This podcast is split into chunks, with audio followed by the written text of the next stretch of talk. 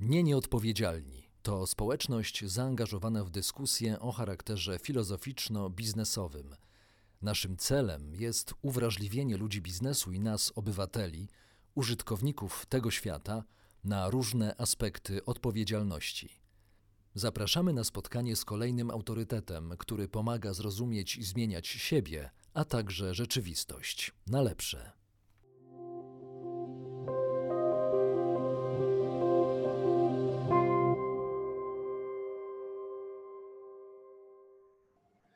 Dzień dobry, witam Państwa w telewizji Nie Nieodpowiedzialni podczas rozmowy o praworządności. A do tej rozmowy zaprosiłem panią mecenas Sylwię Gregorczyk-Abram z kancelarii Clifford Chance, a także z wolnych sądów, chyba najbardziej walczącą polską prawniczkę. Jest mi bardzo miło panią mecenas przywitać dzisiaj. Dzień dobry, dzień dobry Państwu, bardzo dziękuję za zaproszenie. Wspólnie walczymy z koronawirusem. Jak u pani ta taka personalna walka wygląda? Może nam Pani zdradzić odrobinę ze swojej codzienności? E, powiem od razu, że nie jest łatwo. Rzeczywiście e, pracującej matce z pracującym mężem, z dzieckiem i prawniczce gdzieś pracującej zdalnie, to jest trudne. To muszę powiedzieć, że to jest trudna praca taka zdalna, rozmowy z klientami zdalne i pracowanie no, nad takimi pismami procesowymi. Nie ma rozpraw, więc jest troszkę łatwiej. Trochę doskwiera taki e, dystans społeczny, bo ja jestem dosyć taką osobą e, towarzyską, więc e, to jest trudne. Bardziej miło nam bardzo, że przyjęła Pani zaproszenie i od razu przejdźmy do chyba najważniejszego pytania tej rozmowy, czyli czym jest praworządność w XXI wieku, w roku 2020 w Pani, Pani oczami? No jak myślę sobie o praworządności, to e, praworządność to są oczywiście rządy prawa w takiej naj, naj, najprostszej e, definicji i ona się tak dzieli na dwa aspekty. E, praworządność formalna, czyli zgodność tego, co władza robi z prawem, niezależnie od tego, jakie to prawo jest, i praworządność materialna, czyli właśnie wypełnienie tego prawa jakąś treścią aksjologiczną, czy ono jest dobre, tego, czy ono jest jawne, czego, czy ono jest jasne, tego, czy ono jest zrozumiałe, tego, czy ta władza postępuje właśnie zgodnie e, z tym prawem, czy obywatele się z tym prawem e, utożsamiają. Takie to są takie dwa, dwa aspekty praworządności, o których tak w pierwszej kolejności, które tak w pierwszej kolejności przychodzą mi do głowy. Ja zastanawiałem się nad tym, czy prawo w takim właśnie praworządnym wydaniu służy temu, żeby władza miała narzędzie do tego, żeby zarządzać obywatelami, ale ku ich dobru, czy też prawo służy do tego, żeby chronić obywateli przed nadmiernymi zakusami władzy? No oczywiście, że prawo zawsze służy do tego przede wszystkim, aby chronić obywateli przed nadmiernymi zakusami władzy, ale też jest narzędziem do tego, żeby tę władzę w sposób efektywny e, sprawować zgodnie z zasadami. Także balans tych dwóch, e, tych dwóch e, tego, co Pan powiedział, no jest, jest e, tym modelem, e, do, który dążymy, do którego dążymy, no zwłaszcza, że każda władza ma takie tendencje do tego, żeby e, w te wolności i prawa obywatelskie trochę wkraszać, trochę je zabierać, trochę testować i sprawdzać, co wolno i prawo bardzo często jest tym instrumentem, który do tego służy. I przykład Polski też pokazuje, że takie drobne odejście rozjechanie azymutu, drobne odejście od tego kierunku, na przykład, które było już w postaci kryzysu wokół Trybunału Konstytucyjnego, pokazuje, że drobne odejście może mieć potem e, bardzo duże konsekwencje, tak? bo, bo ta, ta odległość się e, zwiększa e, praktycznie z dnia na dzień. Czy taka formuła prawa, czy takie użycie prawa mm, dla jakichś określonych celów oznaczałoby to, że mm, państwo przestaje być już państwem opiekuńczym, e, jak chyba my myślimy wciąż o, o naszym państwie, a staje się takim państwem, można by powiedzieć, że interweniującym, żeby nie powiedzieć, że państwem agresywnym. No każde, oczywiście każde nadużycie prawa powoduje, że państwo no, staje się państwem no, bądź to opresyjnym, bądź jakichś takich tendencjach autorytarnych, bądź takim, które nie gwarantuje czy suwerenności, czy, czy zasad demokratycznych. I dlatego tak ważne jest, żeby nie odpuszczać nawet na milimetr takich odstępstw od, od na przykład odłamania konstytucji, tak? bo każde takie minimalne następstwo potem powoduje takie katastrofalne skutki, bo nam się wydaje, że jak popełnimy mniejsze zło, bardzo często jest tak, że jak się wydaje, że to jest mniejsze zło, to zapominamy o tym, że popełniliśmy mniejsze zło, tak? I, i zapętlamy się w tej e, spirali już potem e, bezprawia, a prawo jest no oczywiście, co pokazują teraz te dzisiejsze czasy, doskonałym e, narzędziem do tego, żeby przejąć kontrolę nad państwem i kontrolę nad ludźmi. Dlatego trzeba reagować bardzo szybko, tak jak powiedziałam, nawet na najdrobniejsze zapędy władzy do tego, żeby to prawo w sposób czysto instrumentalny, czyli do przejęcia właśnie, nie do ochrony obywateli, nie do zapewnienia im dobrobytu, e, nie do zapewnienia im gwarancji praw człowieka, ale właśnie do ingerencji w ich e, prywatność, w ich życie, przejęcia całkowitej e, kontroli nad nimi. Jeżeli tak jest używane prawo w sposób instrumentalny, to należy bardzo szybko na to reagować. Czy temu właśnie podniesienie temperatury sporu politycznego w Polsce? E, wprowadzenie no, czegoś w rodzaju takiego stanu e, nienormalności, która mm, powoduje, że e, władzy można wybaczać tego typu rzeczy, które zaczęły się właśnie od wspomnianej afery z Trybunałem Konstytucyjnym.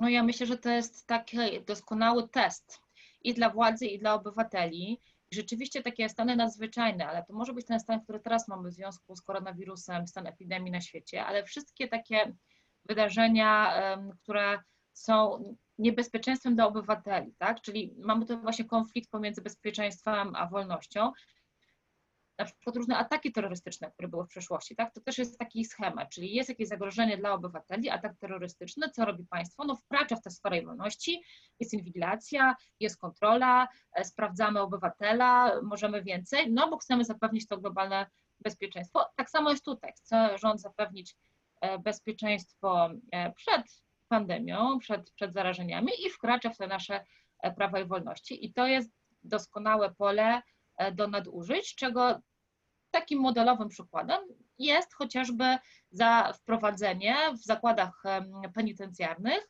rozszerzenie możliwości używania paralizatora, tak, teasera do, e, do więźniów. Tak? Czyli tutaj już widzimy, że mamy całą tarczę covidową, jest szereg, jest szereg przepisów, które służą obywatelom, ale mamy taką rzutkę w postaci na przykład tych paralizatorów, albo takie próby, żeby to właśnie prokurator decydował o środkach zabezpieczających, albo żeby decydował o, o, o jakimś zabezpieczeniu. Tak? No tego rodzaju takie e, drobne e, rzeczy, testowanie, czy, czy to zauważymy, czy nie zauważymy, żeby sięgnąć głębiej dalej pod przykryciem właśnie tej walki z epidemią, a część tych proponowanych e, zmian no właśnie służy tylko temu, żeby dobrać się do tych wolności i praw, do tej inwigil, na przykład to bardzo często się pojawia w takiej aspekcie inwigilacji, e, kontrolowanej korespondencji, tak? No to są takie typowe zakusy władzy i to jest taki dobry moment, żeby, żeby e, władza mogła wykorzystać e, to nie, niekoniecznie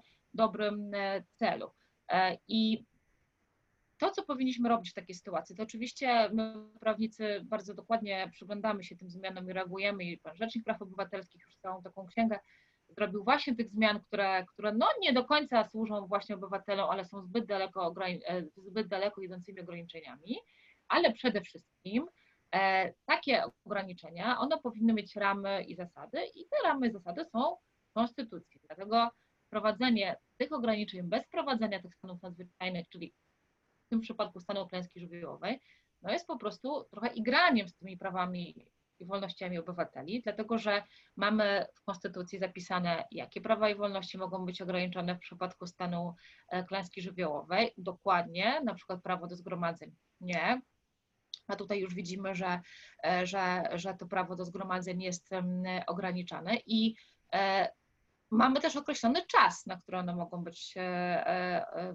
ograniczane, tak? Po to, żeby ten obywatel E, no miał taką pewność, że teraz ja te prawa i wolności mam ograniczone, bo jest stan nadzwyczajny, ale potem e, one w tym okresie albo mogą być przedłużone, ale też na określony czas. No teraz mamy taką sytuację, że mamy ogłoszony stan epidemii, który nie wiadomo e, ile potrwa i bardzo dużo ograniczenia związane z prawami i wolnościami, no, które też nie wiadomo ile potrwają i jeszcze kilka takich właśnie, tak jak powiedziałam, wrzutek, jak się mówi tak potocznie, które są właśnie takim papierkiem lakmusowym do władzy, czy tutaj nam się uda, a może tu nam się uda, a może, a może to nam się uda, bo obywatele nie mogą wyjść na ulicę, bo może im się nie będzie chciało protestować, bo są przerażeni i to jest takie też no, brak szacunku dla obywatela, bo wszyscy jesteśmy zamknięci w domach, boimy się, bardzo różnie ludzie reagują na tą pandemię. Niektórzy niektórzy lepiej, niektórzy są naprawdę mocno przestraszeni i są w stanie, w takim stanie nadzwyczajnym w sobie przyjąć już wszystkie ograniczenia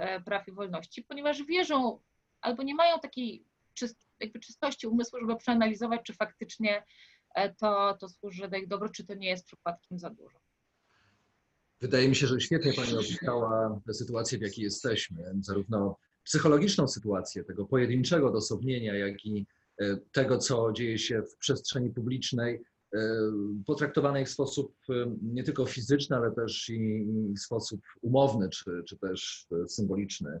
Ja się zastanawiam nad tym, czy my w ogóle powinniśmy rozpatrywać tego typu dylemat, to znaczy mniej wolności to więcej bezpieczeństwa, bo no właśnie, czy, czy to powinien być dylemat, czy tym dylematem nie powinno być, jakimi środkami zapewnić i wolność, i bezpieczeństwo, to, to zdrowotne przede wszystkim. Absolutnie tak. Znaczy żaden człowiek, żaden obywatel nie powinien być stawiany przed tym dylematem. Albo bezpieczeństwo, albo wolność. To właśnie rolą państwa jest zapewnienie tej równowagi. I tak jak powiedziałam, jeżeli zabieramy trochę tej wolności dla bezpieczeństwa, to to powinno mieć ściśle określone tak, cezurę czasową, jaki powód, powinno być obywatelom wytłumaczone, dlaczego tak się dzieje i powinno dążyć do przywrócenia tego stanu sprzed, w pierwszym momencie, kiedy, kiedy to bezpieczeństwo nie jest już zagrożone. Czy więc to, co się dzieje teraz, nie jest swego rodzaju igraniem z prawem, które powoduje, że to prawo, właściwie jego ranga zaczyna po prostu być podkopywana. Jeśli tak, to do czego nas to może doprowadzić? To już nawet nie chodzi tylko i wyłącznie o sytuację w Polsce, ale też no, w krajach, które są wskazywane na kraje, które są poddane manipulacji władzy, jak chociażby też niedalekie nam Węgry, czy też USA. Nie mówiąc już o takich krajach jak Chiny rzeczywiście jest, no, rola prawa jest faktycznie zdeprecjonowana i wynika to z, w ostatnich latach z no, niekończących się mm, tak zwanych reformach, chociażby reformach sądownictwa, które no, tak naprawdę służą destrukcji. E, a jeżeli miałabym nawiązać do tej sytuacji, to gdzieś ostatnio czytałam taki ranking, trudno mi teraz powiedzieć, kto go przygotował, że Polska właśnie znalazła się na liście 30 państw, które wykorzystują pandemię e, po to, żeby wprowadzać właśnie aparat opresji czy, czy nadużycia w stosunku do obywateli. Tam akurat w tym rankingu był podany przykład wyborów prezydenckich, tak? czyli właśnie tworzenie prawa niezgodnie z tak z konstytucją, z orzecznictwem Trybunału Konstytucyjnego, wbrew procedurze, no, zupełnie poza tak naprawdę procedurą, po to, żeby utrzymać się przy władzy. No jeżeli w sposób taki tworzymy prawo, że na dzień, parę dni przed wyborami tak naprawdę nie wiemy, czy te wybory się odbędą, czy nie, obywatele no nie mają żadnej pewności do tego, czy wybory się odbędą, na jakich zasadach się odbędą, czy pójdą do lokalu wyborczego, czy będą głosować korespondencyjnie, to o jakim szacunku do prawa możemy tutaj mówić i jak pielęgnować chociażby nawet w młodych ludziach szacunek do prawa i szacunek do konstytucji chociażby, to jest wtedy bardzo trudne i na przykład szacunek do, e, do aktu takiego e, demokratycznego, jakim są wybory. Tak? Ja rozmawiam z wieloma osobami, które zajmują się, pracują z młodymi ludźmi i oni mówią, Matko Święta, że to jest najgorsza rzecz, co nam się teraz przytrafiła, bo my tym młodym ludziom w rozgłośniach radiowych mówimy cały czas, idźcie głosować, idźcie głosować, bo wybory są super ważne, idźcie głosować i budujemy w nich e, taką kulturę, taki patriotyzm konstytucyjny, idę głosować, to jest istotne.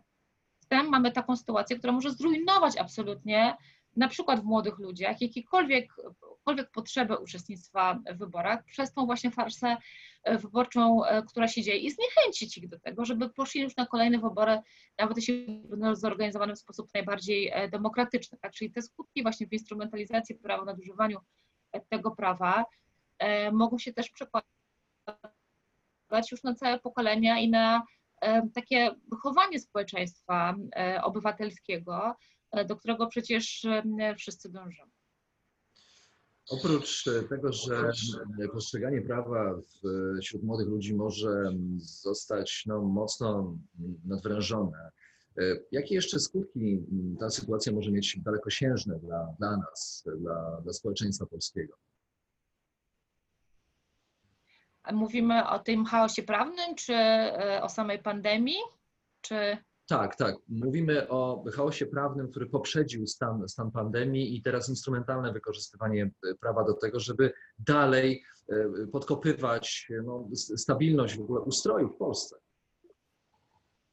Oczywiście ono może mieć skutki wewnętrzne i zewnętrzne. Wewnętrzne to są takie, o których już powiedziałam, czyli spada zaufanie do państwa, do prawa, do organów, do władzy, tak? No, obywatele są w kontrze do władzy, ponieważ widzą, że ona nie szanuje ich praw i wolności, instrumentalnie traktuje prawo i tutaj e, burzymy e, tę tradycję zbudowaną po 1989 roku e, i będzie bardzo trudno to przywrócić w takim aspekcie no, właśnie zaufania. Oczywiście posprzątanie tego, co wydarzyło się od 2015 końcówki 2015, od 2016 roku, czyli odkręcenie tych wszystkich zmian tak w wymiarze sprawiedliwości, czy w służbie cywilnej, no, w prokuraturze, w wielu tych aspektach, będzie też bardzo trudne i to jest praca oczywiście na lata, ale też są skutki zewnętrzne, na przykład postrzeganie nas w Unii Europejskiej. Ja już nie mówię o tych wszystkich sprawach, które toczą się teraz, wytoczone są przez Komisję Europejską przeciwko Polsce,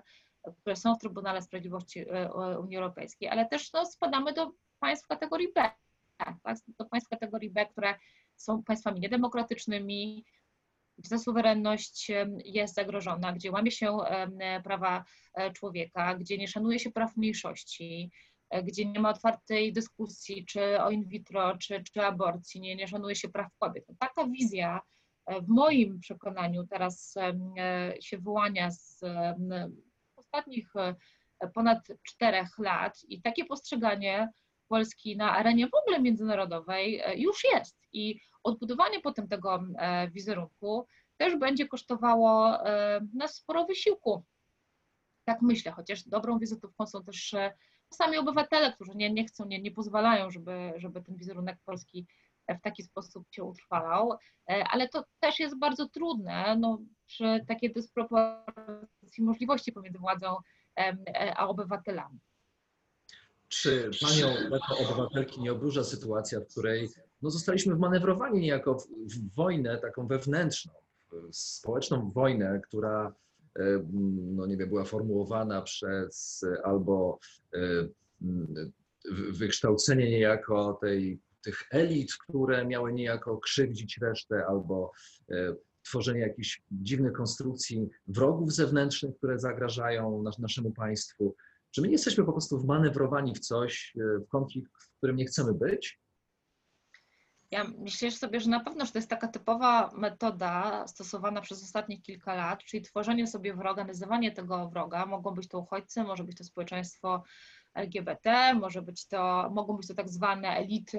Trudno mi powiedzieć, jakie to są elity, czy chodzi o pieniądze, czy chodzi o wykształcenie, czy o możliwości e, e, społeczne, bo to już nie jest precyzowane, ale są jakieś elity, jacyś uchodźcy, jakieś społeczeństwo e, LGBT, które to, o to tu przychodzi i jest kontra naszym wartościom tradycyjnym, narodowym, będzie niszczyć to, co polskie, co własne, to, co nasze, rodzinne, E, z czym, z czym powinniśmy się utożsamiać. I rzeczywiście to jest taki mechanizm, który jest w sposób doskonały wykorzystany, dlatego że obie strony dają się wmanewrować. Te elity też się dają trochę wmanewrować, bo mają gdzieś jakąś projekcję tych innych, tego ludu, który może ich nie rozumie, może, e, może jest im wrogi. Ten lud ma też projekcję tych elit, które właśnie nie potrafią zrozumieć tak zwanego prostego człowieka, bo przecież cóż oni mogą wiedzieć o prawdziwym życiu, tak? I taka narracja jest e, bardzo, padła na taki no, bardzo podatny, jak się okazało, grunt. Jest ona wykorzystywana e,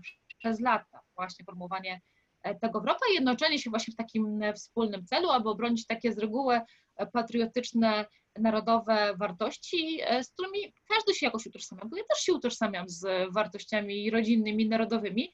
Ja je oczywiście mogę inaczej rozumieć. To też jest takie pole e, łatwe do e, zagospodarowania.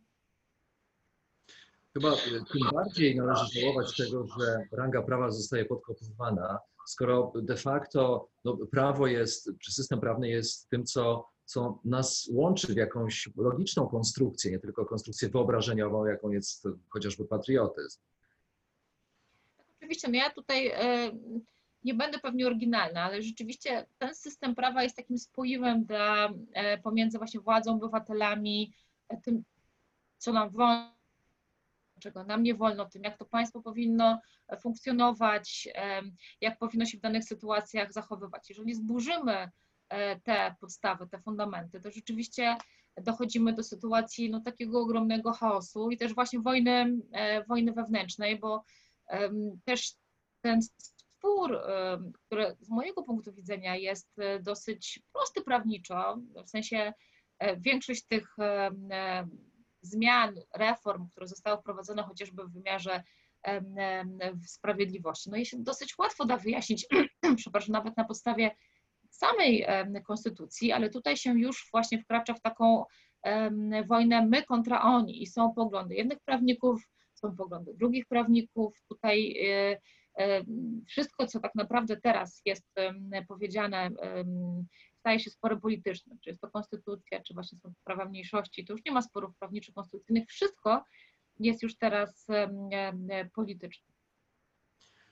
Jakiego narzędzia więc będziemy używać w przyszłości do tego, żeby rozliczyć osoby, które są odpowiedzialne za ten chaos, bałagan, za tę naszą wewnętrzną polsko-polską wojnę? Tych narzędzi może być kilka. Ja wczoraj czytałam taki znakomity tekst pana profesora Zajadłe, e, Zajadło, przepraszam, na portalu konstytucyjny.pl. On tam odwołuje się do Fullera i pięć jakby możliwości rozliczenia e, z przeszłością. Tam są bardzo różne opcje. Jest e, metoda, na przykład metoda grubej kreski, czyli uznajemy, że to, co było, to e, było i teraz budujemy, odbudowujemy na tym. Jest metoda rozliczania, dzielamy ziarno od plew, czyli te, niektóre rozwiązania były dobre, niektóre rozwiązania były niedobre i zajmujemy się tylko tymi niedobrymi. niedobrymi. Jest metoda władza nie robi nic, zostawię to ludowi, niech lud to oceni e, i niech lud to e, o tym zdecyduje.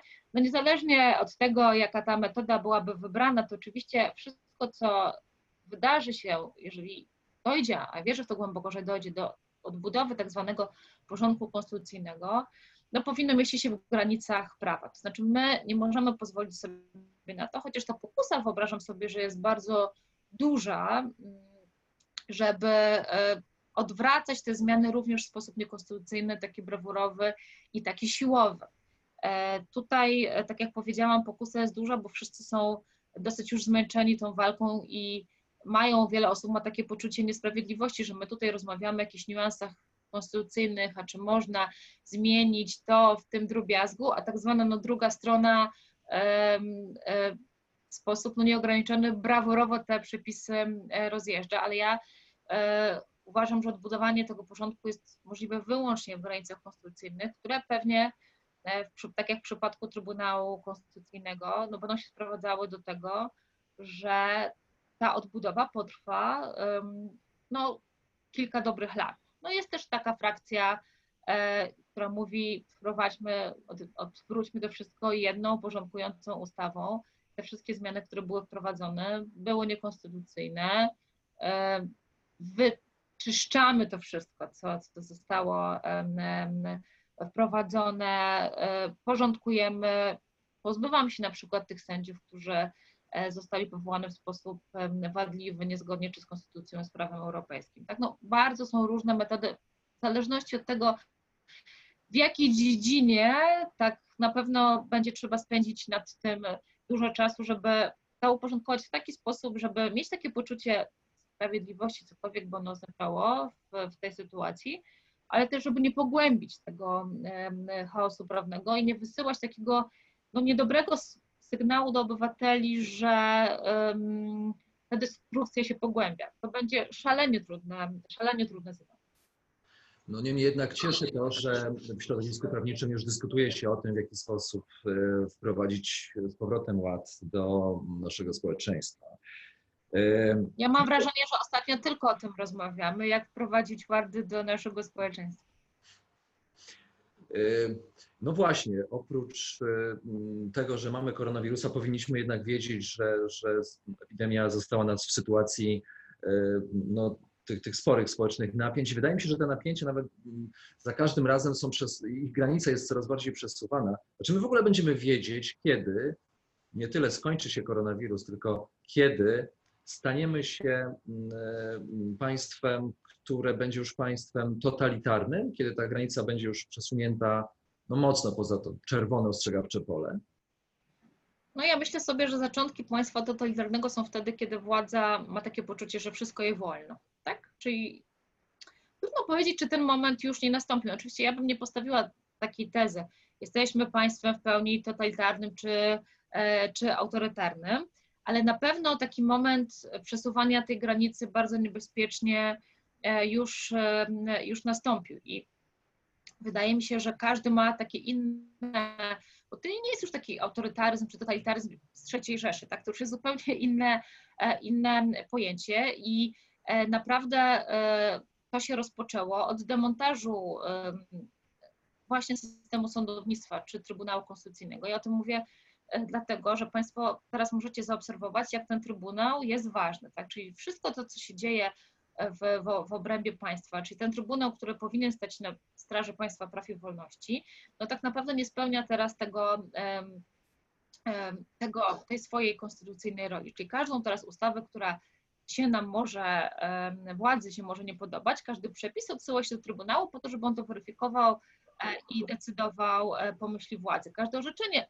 czy uchwałę Sądu Najwyższego będzie można, już to się dzieje, odesłać do Trybunału Konstytucyjnego jako takiej uber instancji, która jest e, odpowiedzią na wszystko. No to są ewidentne zaczątki już państwa przyjmującego kontrolę i, i, i właśnie państwa opresyjnego i e, trudno mi powiedzieć w jakim momencie, pewnie dla wielu osób ta granica już e, została osiągnięta. Być może dla wielu osób ta granica została już osiągnięta w 2016 roku, kiedy, kiedy przyjęto Trybunał Konstytucyjny. Czy to było przejęcie sądownictwa powszechnego, czy to było przejęcie KRS-u, czy to było, nie wiem, przejęcie służby cywilnej. No, trudno powiedzieć, gdzie dla każdego z nas gdzieś ta granica pewnie leży gdzie indziej, ale z całą pewnością wiele takich cech państwa autorytarnego no już niestety mamy. Pani mecenas, teraz pozostańmy, pozostawmy ten wątek na boku, bo na koniec naszego spotkania chciałbym jeszcze porozmawiać odrobinę o medium, którego używamy do naszej rozmowy, to znaczy o, o internecie. Ostatnio zastanawiałem się nad tym, czy prawo do internetu powinno zostać wpisane do karty praw podstawowych. Jak pani sądzi, czy, czy, czy tak to powinno być? Czy jesteśmy na drodze, żeby to się stało, jeśli tak? Ja myślę sobie, że to jest taka dziedzina, której e, jest bardzo głośno podczas no, ostatnie lata pokazują, że to się rzeczywiście zmienia. Jest taki postulat e, prawo do internetu jako prawa człowieka, które zdaje egzamin w krajach europejskich, bo chyba Estonia, chyba Finowie wprowadzili e, właśnie taką definicję, a Grecja już w ogóle chyba uregulowała to na poziomie konstytucyjnym, prawa do, do internetu, czyli do informacji w internecie do globalnej sieci jako, jako prawo człowieka i zdaje się chyba ONZ wydał taką już rezolucję, no która oczywiście jest niewiążąca, jak to rezolucja ONZ, to właśnie do tego, żeby prawo do globalnej sieci internetowej traktować jako, jako prawo e, człowieka. Także no nic tutaj nie stoi na przeszkodzie, żeby ten katalog poszerzać. To są oczywiście chodzi o metody, tak? Czy na przykład na gruncie polskiej konstytucji jest to konieczne, czy wystarczy interpretacja samego prawa do informacji, informacji publicznej, która właśnie między innymi w ustawie zakłada pozyskiwanie informacji drogą taką teleinformatyczną, czy to już wystarczy, żeby to prawo e, do internetu e, e, wygenerować, czy, czy jest potrzebna zmiana na poziomie konstytucyjnym. Tak samo w Karcie Praw Podstawowych, tam również mamy prawo do informacji i wolności słowa, ten artykuł, o tym mówi i ja nie wiem, czy trwają takie prace, rozmowy, żeby, żeby ten katalog poszerzyć, ale tutaj absolutnie widzę, widzę takie pole do, do dyskusji, zwłaszcza, że się zmieniamy i też musimy myśleć o takich krajach, które są mniej uprzywilejowane, jeżeli chodzi o dostęp do, e, do internetu, na przykład kraje afrykańskie, no, gdzie wprowadzenie tego rodzaju katalogu, znaczy prawa do internetu, katalogu praw człowieka, no z pewnością pomogłoby na właśnie cieszenie się przez tam obywateli właśnie tych mniej uprzywilejowanych krajów, również właśnie z takiego nieograniczonego dostępu do sieci jako, jako właśnie ich wolności. A przy okazji też muszę dowiedzieć po raz kolejny, po co mogłaby się nam przydać, czy po co przydaje się konstytucja i równocześnie Trybunał Konstytucyjny. E, a wreszcie jeszcze zapytam o to, jak pogodzić wolnościowy charakter internetu z no, zakusami manipulowania przez internet, począwszy od handlu, a skończywszy na e, polityce.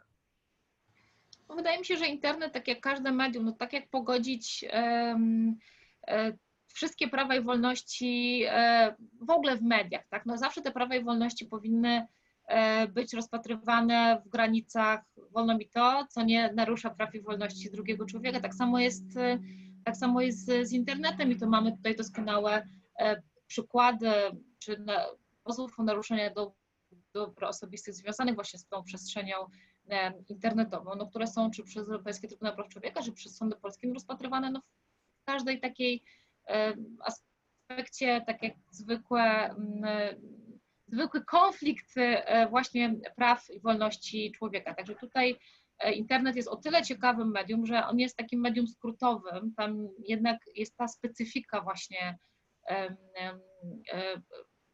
poruszanie się po internecie, która powinna być uwzględniana. I na pewno mnóstwo takich jeszcze spraw związanych chociażby z wpływaniem, tak sobie wyobrażam, właśnie na przykład na sondaże e, prezydenckie przez tak zwane e, buty internetowe, czy, czy jakieś takie e, zorganizowane, czy na przykład hejt, tak, czy to mowa nienawiści zorganizowana przez farmę troli. No jak to oceniać, jak to ścigać, jak, bo to jest jeszcze ten element, tak, który jest rzeczywiście bardzo trudny w przestrzeni internetowej i to jest to, co E, bardzo często się przewija w takiej rozmowie e, z klientami, którzy są gdzieś pokrzywdzeni no, nienawistnymi na przykład komentarzami w, w internecie, to też jest bardzo trudno uchwycić tak, taką, taką osobę. I tu jest ta, ta przestrzeń do, do nadużyć, do manipulacji, bo e, rzeczywiście te narzędzia, które ma policja, one są, ale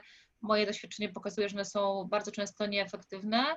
E, I na przykład moje te sprawy, które prowadzę w imieniu rodziców, których dzieci padły ofiarą naprawdę takiej pedofilii w internecie, czy zachęcania do różnego rodzaju e, takich czynności seksualnych już w tej przestrzeni internetowej, pokazują, że jest niezwykle trudno e, policji takich sprawców uchwycić.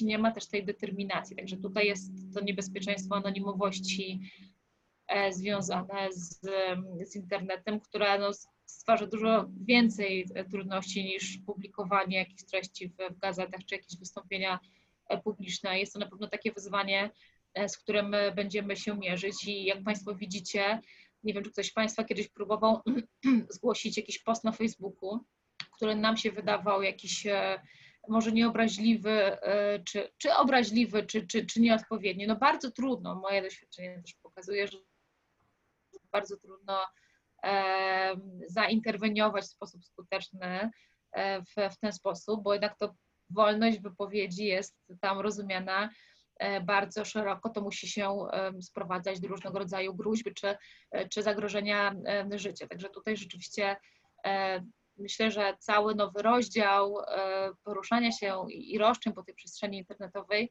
jest dopiero przed nami. Zainspirowała mnie Pani do właśnie o tym, w jaki sposób poszerza się niejako katalog przestępstw, e, które są związane z możliwościami internetu, ale to będzie mm, chyba rzeczywiście tematem już naszego kolejnego spotkania, do czego oczywiście zachęcam e, Panią. Nie muszę chyba zachęcać tak. naszych odbiorców, natomiast wiem, że za drzwiami tego wspaniałego pokoju, w którym Pani nas gościła, czeka pies, który chyba pojawił się Y, jako ktoś nowy w waszej rodzinie i z pewnością jemu również trzeba poświęcić czas. Tak więc nie zatrzymujemy pani. Pani mecenas Sylwia Gregorczyk-Abram była naszym gościem. Jest dosłownie, czeka pod drzwiami, bo ja to słyszę, to dychanie. On dosłownie czeka pod drzwiami, także rzeczywiście to, co pan powiedział, jest, e, absolutnie prawdziwe.